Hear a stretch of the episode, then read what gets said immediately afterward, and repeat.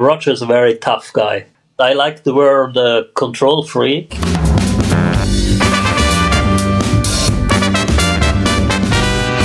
Welkom bij de NL Tennis Podcast, geserveerd door Marcella Mesker en mijn naam is Jan de Lange. Deze aflevering staat van begin tot eind in het teken van Roger Federer. En nee, dat is niet bepaald de man van het moment natuurlijk. Hij verloor vorige week nog zijn eerste potje dat hij in maanden speelde. Dus je zou kunnen zeggen dat hij met een breekachterstand aan Roland Garros gaat beginnen.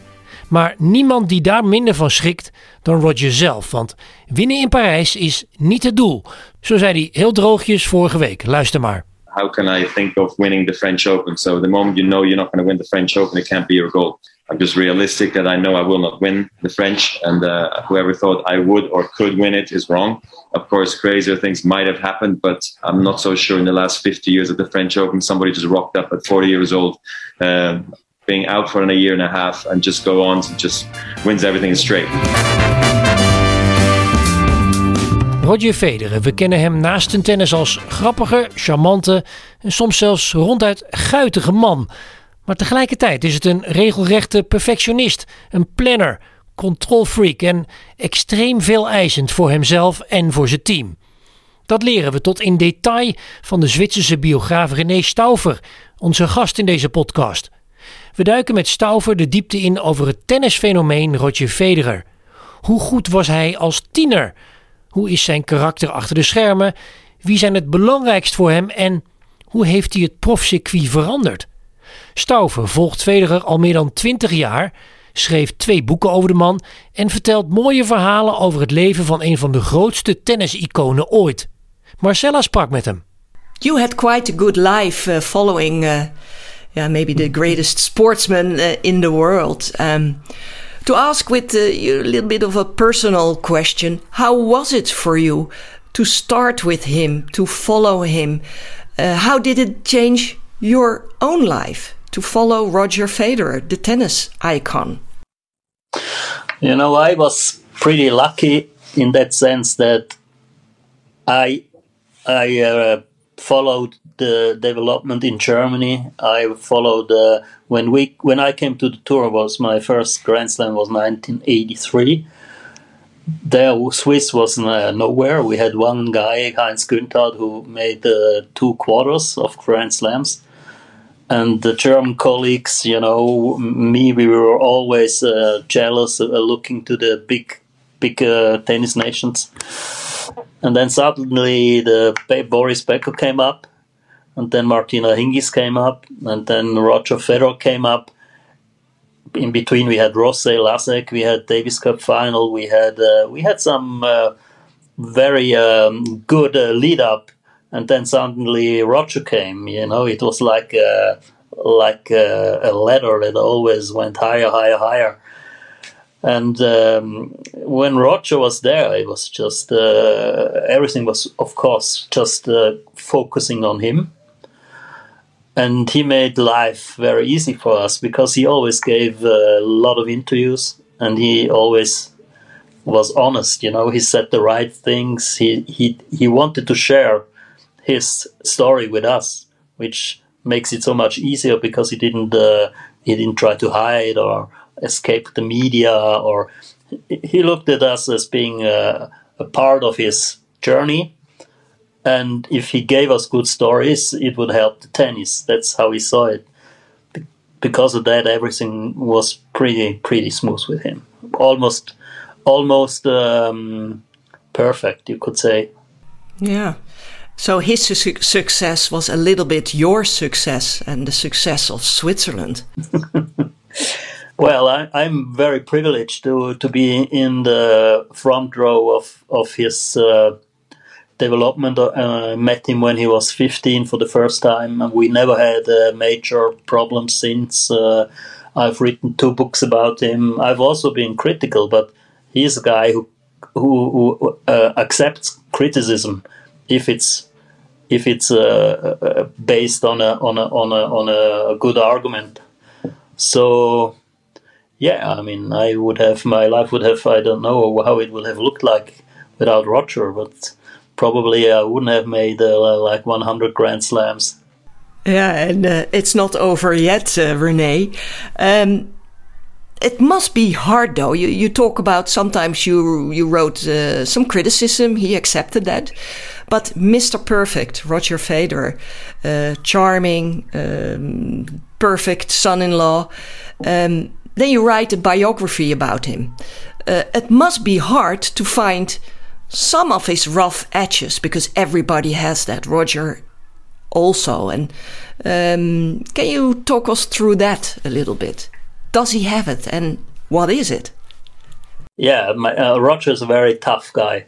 That's a lot of people. They they just see him smiling, and he's like a child. Sometimes he's childish. He's he's easygoing. Uh, he he sees the funny side, but but but this uh, covers his uh, his hard way of working, his strict way of planning. You know, he's a very meticulous in everything he does. He expects the best from everyone in his team. You know, if I mean, if somebody reads the newspaper while he's practicing, he shouldn't be surprised when suddenly a ball hits his paper. You know, hidden by Roger. It's a lot of little details that he was just ready to give it all to be the best in the, every aspect. That means he also had um, had a very uh, tough way to teach himself for things that he did, didn't didn't like or didn't do, or for example, the heat when he had a heat stroke. I told that Mike Dixon last week. He had a heat stroke in 2004 in Indian Wells. Then he went uh, was sick and lost to Rafa in Miami, and then he decided I, I need to get better in the heat. So he went and bought a place in Dubai and started practicing in the summer heat of like 40, 50 degrees, uh, just to toughen him up, you know. And a, there are a lot of little details like like that that show how um, how professional he is and how demanding also against himself. Yeah, almost a, a, a control freak, uh, you could say, but that's so contradictory uh, compared to his relaxed uh, character, his relaxed uh, talk to the media, to fans. But that precision, that perfection, that's always there. That's that's two uh, things that confront each other. That's a little bit um, special, I think. Yeah, you're right. I like the word uh, control freak and and it also it showed early because when he was uh, still a teenager in the Davis Cup, it, we had uh, Jakob Hlasek as a captain, and they didn't match well. But uh, I mean, he was 18. Usually, you would expect him to uh, to shut up and, and say, "Okay, uh, I wait and see." But after after a little time, he came and said, "I cannot play with this guy anymore on the on the on the on the chair next to me." And he for Hlasek had a contract for five years, and Swiss tennis had to had to throw him out. You know, Federer was and Federer was 18 or 19 at the time. It was uh, an amazing uh, act of of power that he showed there or also when when he fired Lundgren after having won his first Wimbledon the same year in the end. You know he, he was always he was always very tough in his decisions regarding his um, his career. So no compromise. Yeah I also read in your book, which has a lot of uh, nice little stories, details, some of them which I didn't know, so compliments for you.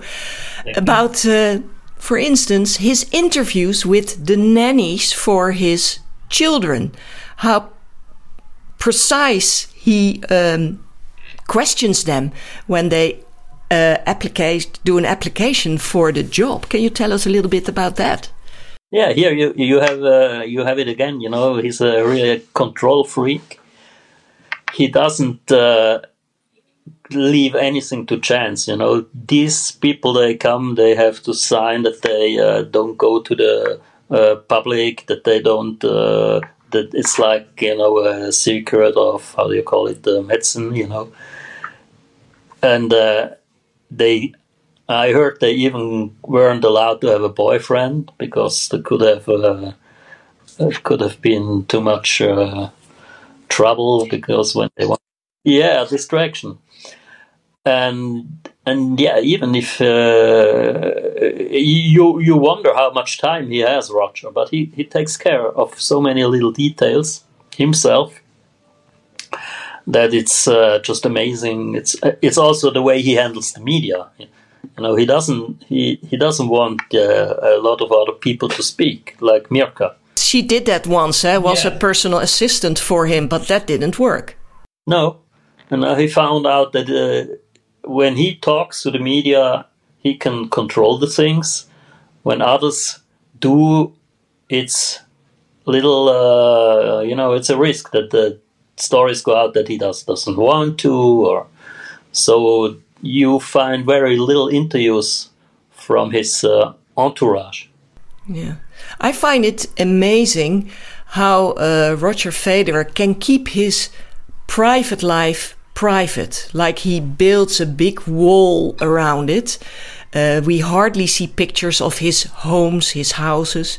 There are no scandals, no fights. Uh, even the coaches like Lundgren or Tony Roche in the past, who suddenly disappeared from the scene, we never hear any bad, negative uh, interviews afterwards. How does he manage that? That's a good question. I think he's just a likable guy, and and, and he he's so human and uh, authentic that uh, you can't uh, you can't be uh, angry about him because it's just nice to be with him, and and when he does something, he can you usually understand why he does it. So, but in Switzerland, uh, we have a lot of uh, stories that he basically wouldn't uh, like to be printed. Like now, he's building this big house. I don't know if the pictures are not arrived. Uh, I haven't seen pictures. I've read about it, and there is a little bit yeah. of criticism about it, huh? there are a lot of pictures coming up, you know, because it's public place. Everybody can walk by, or you can let a drone uh, uh, fly over it. It's or- near Zurich. Yeah, it's uh, it's near Zurich. It's on the lake of Zurich, a little bit further down on the eastern coast, near a place called uh, Rapperswil. But uh, people can intrude the the terrain where he's building, and TV guys already went there and played a fun tennis match on his home, and But he doesn't like that, I guess. he doesn't like that, but I think generally he he's aware that Switzerland treats him very good, that they respect him, they leave him in peace. That's what he said uh, this weekend again in a in a in an interview. But uh, sure, not everything is as perfect as he wanted, but he knows that in other countries it would just be much worse. Uh, he wouldn't have any privacy. If you look back, I mean, 25 years, it's quite something. Um, what is for you, you probably had this question many times, uh, the most memorable moment from you with Roger? Was it a match? Was it a personal talk? Uh, was there a moment that you will always remember? There are several. Of course, uh, from my personal view, it was really my first meeting with him. When I first saw him, he was 15. He was playing in Zurich in a small tournament and and acting like crazy, you know, throwing rackets and still winning. And after that, I uh, talked to him already for the first time one and one and, and then I found out this guy is very is very special because he's so open he's so uh, ambitious he's um, he's a good guy you could feel it and you could feel his eagerness so it was with 15 a very impressive uh, interview I made with him because juniors you usually they don't give you anything but and like you know i remember always like when he was watching uh, far away and said uh, you should be able to play perfectly you know that was his big big goal, and that was his uh, motivation. So that was amazing. Then, of course, I had many uh, many interviews that, uh, that that were very personal, which which is normal over so many years. But from the career point of view, uh, uh there are two two uh, wins, of course. The first in Wimbledon and number 18 in uh, Australia after his uh, comeback 2017, which was, in my eyes, pretty miraculous. Yeah, that's that's how you start uh, the biography with that uh, chapter, eh? how it leads up to his uh, final five-set win against Nadal, who a couple of months before stand together, both injured, uh, not knowing if they can continue their career, and there they are again in a Grand Slam final. Um, are there any moments? Uh, I know I have that uh, sometimes that you get emotional. I mean, you have to be professional as a journalist. Uh, as a commentator for television, like I am, or radio, it's it's more difficult because you have to keep talking on the moment. Um, do you ever get emotional? Is there ever a tear, or can you keep that strict uh, away? Well, funny, funny enough, I'm I'm not a guy who who, who cries often, and I don't think I did while uh, while uh, Roger while seeing him win a big trophy. But I, I remember I when I really got emotional was when he had to cancel his trip to Rio de Janeiro to the Olympics in Rio. That was in 2016, and you know, I have a strong relation to um, to uh, uh, Brazil, also privately. My daughter, she was um, volunteer. She applied from Switzerland. She was a volunteer there, and uh, we were looking so much forward, you know, to go to Rio and and, and see Roger play the Olympics. And then uh, you know he cancelled this whole thing, and then I was really I was down for uh, for a, uh, a, moment because I had I was so happy to to see that and it all it it, it, all uh, got uh, destroyed in one moment. Yeah, um, it was a big moment in his career. He took time out. Uh, did you think it was the end? No, I didn't because I I had quickly the information uh, from his team that uh, how how eager he was to work, how happy he was to, to get fit again from the beginning. Everybody said that quickly, and, and some weeks later, uh, when I met him, you know, I felt that he really had that uh, big fire burning. So I was pretty pretty optimistic then. Also now, I, I didn't see any sign that he would uh, that that he would uh, stop and not come back or at least try to. But of course, he's getting older and the knees uh, are, are weak and uh, so many distractions in his life, his foundation, his family, his sponsors, everything. You know, now he's doing this uh, shoe uh, initiative, this on running. And when you got four children, um, uh, I don't, I don't know how he can still practice so much and get ready with almost forty.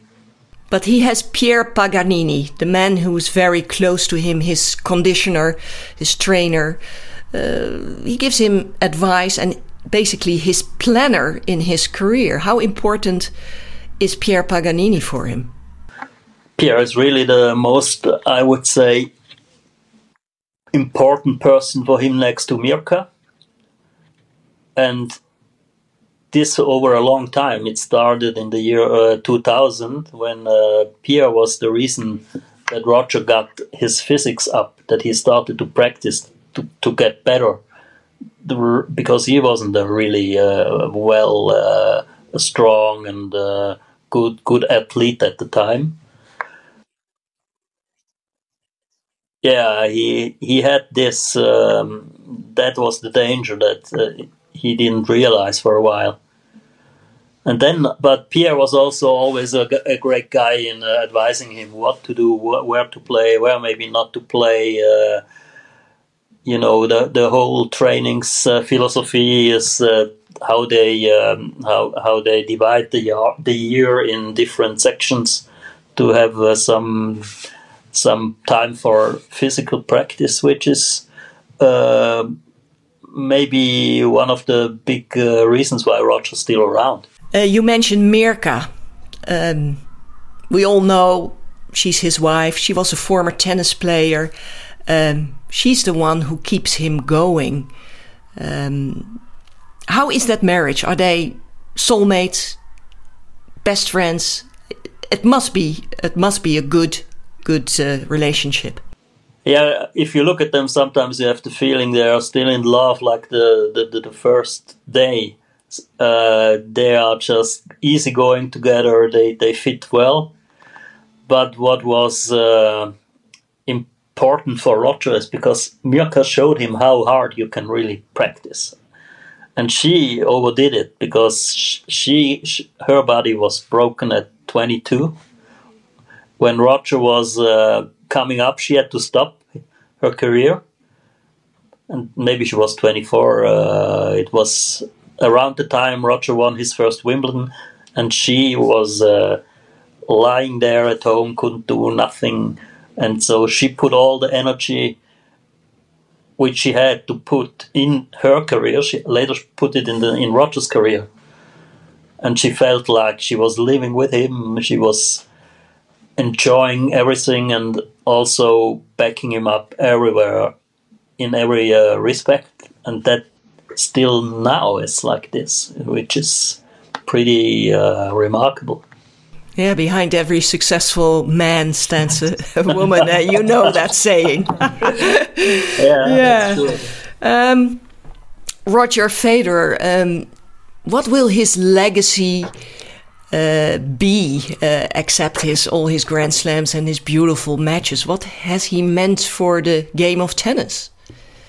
Well, I think that uh, that he brought a different atmosphere in the in the in the circuit. You know, he he was the guy who was uh, uniting the players. He was taking uh, uh, people uh, under his wings. He he didn't he, he wasn't a you know uh, a guy like Connors. He was a street fighter and McEnroe and you know these guys they were fighting against each other on and off the court and and Roger he just brought a different atmosphere and he showed that uh, you can be a champion, but you can also be a, a human being and give a lot back to the people, give interviews and take care of that, of that. You, he showed that you have don't have to be an asshole and an, an egocentric uh, uh, human being to be um, a champion in, in this single sport, which is I think uh, I don't remember the, uh, any anybody else like that, and I think he also brought a lot of new people to the tennis with the way he plays, because he's such such a fluid, uh, attractive player, and this was maybe a, a, a, shot in the arm for the for the whole tennis. Yeah. Um, in your book, uh, you also talk about, uh, in the end, about friendly rivalry. And of course, I'm talking about Nadal and about Djokovic. What do you mean with the friendly rivalry? Well, they just uh, respect each other while playing and while off the court. And they know that, uh, they know, all of them, they know that they are special special champions, like outstanding champions in the history of tennis, and so they don't need to uh, to wash dirty uh, laundry against each other like uh, Agassi did with Sampras, if you remember. Uh, all, these um, all these uh, little uh, nasty things they just uh, don't do because they respect each other too much. So maybe that's even missing a little bit for a lot of people. Uh, a lot of people would have uh, would like to see more drama, you know, like uh, McEnroe did with uh, Borg and pro- a little bit more provo- provocation or a little bit more emotion. The father of Djokovic, he helps a little bit in that respect. That's right, and, and Nole has um, uh, has uh, developed a temper which uh, also is a little bit sometimes out of the limits, as as we saw and see again. What does Roger think about that? Does he ever talk about you? You always get to hear a little bit extra in Switzerland. Yeah, he was very critical against uh, Nole when he came up, you know, and they already had uh, some uh, minor issues uh, in the beginning because Roger said uh, he uh, like he was faking injuries when he lost and and doing things like that and and so the, um, they were never as close as Rafa and and, and and him. But usually Roger is just he knows what to say and not to say to keep the the things calm, not to give the media too much uh, too much uh, munition for the for the big headlines, and he he knows how to keep his life a little bit easier, you know, and not to create problems where where there shouldn't be. What he thinks in in his uh, um, quiet hour, you probably can guess as good as me. And how good of a friend is uh, Rafa Nadal for him? How close are they actually? I think it's more. I think it's more that they are uh, partners of interest. They they have a, common interest in bringing the tennis forward. They are big rivals. They know they can create something. But what uh, what's going uh, uh, if it's going to show the respect or to help each other, then then they are, have a very friendly uh, relation. You know, it's not that they call each other all the time and go out eating. But if Roger asks uh, Rafa to play uh, an exhibition in South Africa for his foundation, you know, who was there? Rafa was there, and uh, and uh, yeah, and Roger does the same. He goes to his opening of the Academy in uh, Mallorca. He was there which was um, his initiative actually. It's just to show a little respect and yeah, things like this. Yeah. Who will end up with the most Grand Slams, you think? Of those three? well, it all looks like uh, probably Rafa. Uh, I'm not sure if uh, Novak can uh, can keep it up uh, with all the emotions he's showing at the moment. Uh, for Roger, it's going to be hard. He's, he can maybe get one more. Uh, Rafa can probably get two more, three more. I don't know, but it's it's it's it would be funny if they would stop at 2020. You know, uh, maybe Nole. I don't know. Maybe he gets to 20 as well. That would be a very funny situation that would be uh, maybe a perfect situation. Yeah. um, if we look at the near future, Roland Garros, you mentioned, is a little bit the preparation for the grass season for Wimbledon. We have the Olympics, and we have the Laver Cup in September in Boston. Uh, big moments for Roger. Um, what is the most important, and, and where does this year and his career go because there's one thing you didn't really write about in your book. That was the end. Of course, there is no end of Roger, but uh, the retirement plan, no one knows. Do you have a, a feeling? No one knows. No one knows. I I know that um, for him, it's clearly the Wimbledon is the biggest goal the Olympics, I I don't see him uh, in the end playing there because there's so much question marks and uh, it's not. I'm not sure, but it, it, one on one hand he wants to go, on the other hand he doesn't want to go. But what I also think is that you know he invested now 18 months basically to come back, and if his level keeps up where he wants to be, and his body holds and his family gives him the green light and uh, the results are right, then I don't. Uh, I, I, I could well imagine him playing uh, into next year uh, again if all goes well, and that's why he's really doesn't have a retirement plan. He tries to keep it up as long as he can. What makes sense? What would make sense for me would would be like uh, playing in Basel one more time again and then stopping. I mean, Basel is like the end uh, of the season if you take away the the ATP finals, and he grew up there. He was a ball boy. He won it ten times. It's his home tournament. So uh, I know a lot of people who believe that uh, it will be in Basel where he's gonna retire, but I could imagine that. I just don't uh, hope it's gonna be this year. What about his ranking? His ranking is, uh, of course, dropping. He's now eight. Uh, how important is that for him? If if his ranking drops, maybe he falls out of the top ten. Uh, what consequences will that have for him? He said it's not important. He, knows that it's only because of the corona uh, situation that they freezed some points, and uh, that he is uh, he was profiting from that.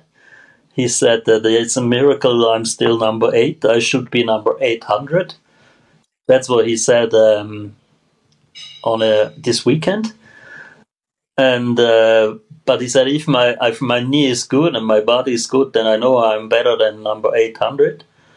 But in, in the end, he doesn't care. He has to, to bring his performance, and then the ranking will will follow. And I mean, he wouldn't have he doesn't mind not being seeded, or uh, of course he will get a wild card everywhere he goes and so the ranking's really not that important anymore for him roger federer and uh, René Stauffer what a fantastic career you both uh, have um, switzerland small country big success where does all this tennis success come from this is a very, very good question and i I really think that we have a good system in Switzerland. We have a lot of courts.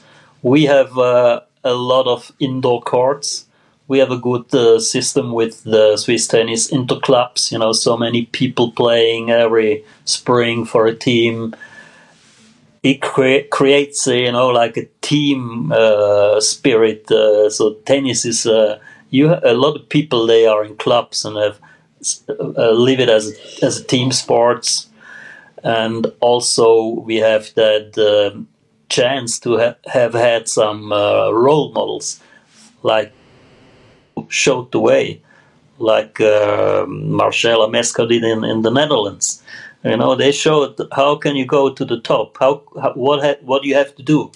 And people can look up to somebody here. And and now we got this young um, 18 year olds who uh, who come up and they know if you're Swiss, if you do it right, uh, you can uh, make it to top.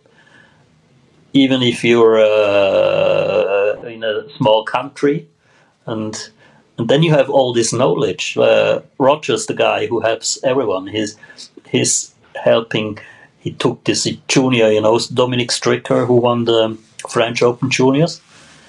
The Swiss guy. He took him to Dubai for three weeks uh, he, he's like a, a, a, mentor for him. And I, I, think we just have a very good um, good uh, tennis culture with uh, which began actually, uh, as I told you, with all the players before, with with Hingis, with uh, Günthardt, Hlasek, Rosset, with with with all this uh, dynamic success that always grew and grew. Yeah, the next generation will have a very hard time in Switzerland to fill uh, the shoes of Roger Federer. Um, to finish off, uh, maybe one final story anecdote of uh, Wimbledon, the Champions Dinner. How many times have you been able to go? Do you get invited? Do all the journalists go there if Roger wins?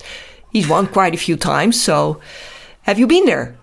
Yeah, I've been, yes, I've been there. I've been there actually three times and it was always 10 years apart you know. I was the first time i was there with martina hingis uh, 7 07 then with uh, no 1997 with martina 07 with roger and 17 again with roger. But you know the problem is that you on sunday when he wins usually you have to work like uh, like uh, hours uh, you don't have the time. So it was always a big sacrifice if you tried to make it. And only one swiss can go so the swiss uh, media has to come together and decide who is the guy. How does that go? Yeah you know that seniority or uh, you know we had people who they brought already the smoking with them to wimbledon. The, because, uh, the black tie. Yeah because they wanted to be there and it was uh, even before the quarterfinals sometimes they were starting to discuss who is going to the champions dinner and um, yeah i mean radio guys had more time. One radio guy was uh, often there and i'm happy to be there twice with roger. And how was that evening? Well the first was much uh, more sympathetic than because after uh, i mean the whole tradition how they set it up uh, it's like a opera. It's like a comedy you know. It's with uh, so many protocols um, but it's funny and, and it's very well organized. And, and then uh, in the end roger took us down to a small room and his friends and i was there too and he was making pictures with the trophy and everyone. So that was quite intimate. The second uh, 2017 was was a little uh, more routine. But what can you what can you ask after 10 or 9 wonderful well wonderful to give a little bit of insight into uh, the character and the genius of Roger Federer. Uh, René, thank you very much. You're welcome, Marcella. Dat was hem, deze NL Tennis podcast over Roger Federer. De man waar niemand genoeg van lijkt te krijgen. We wensen hem en natuurlijk ook de Nederlandse spelers in Parijs heel veel succes. Er staat een nieuw stadion met dak en maar liefst 5000 toeschouwers op de grote banen. Dus tennis is back. Abonneren op deze podcast kan via Spotify, Google of Apple Podcasts en ook via de nieuwsbrief van Tennis Direct. En wil je nog een andere podcast van ons luisteren? Ga dan naar onze website nltennispodcast.nl. Leuk dat je luisterde en tot gauw!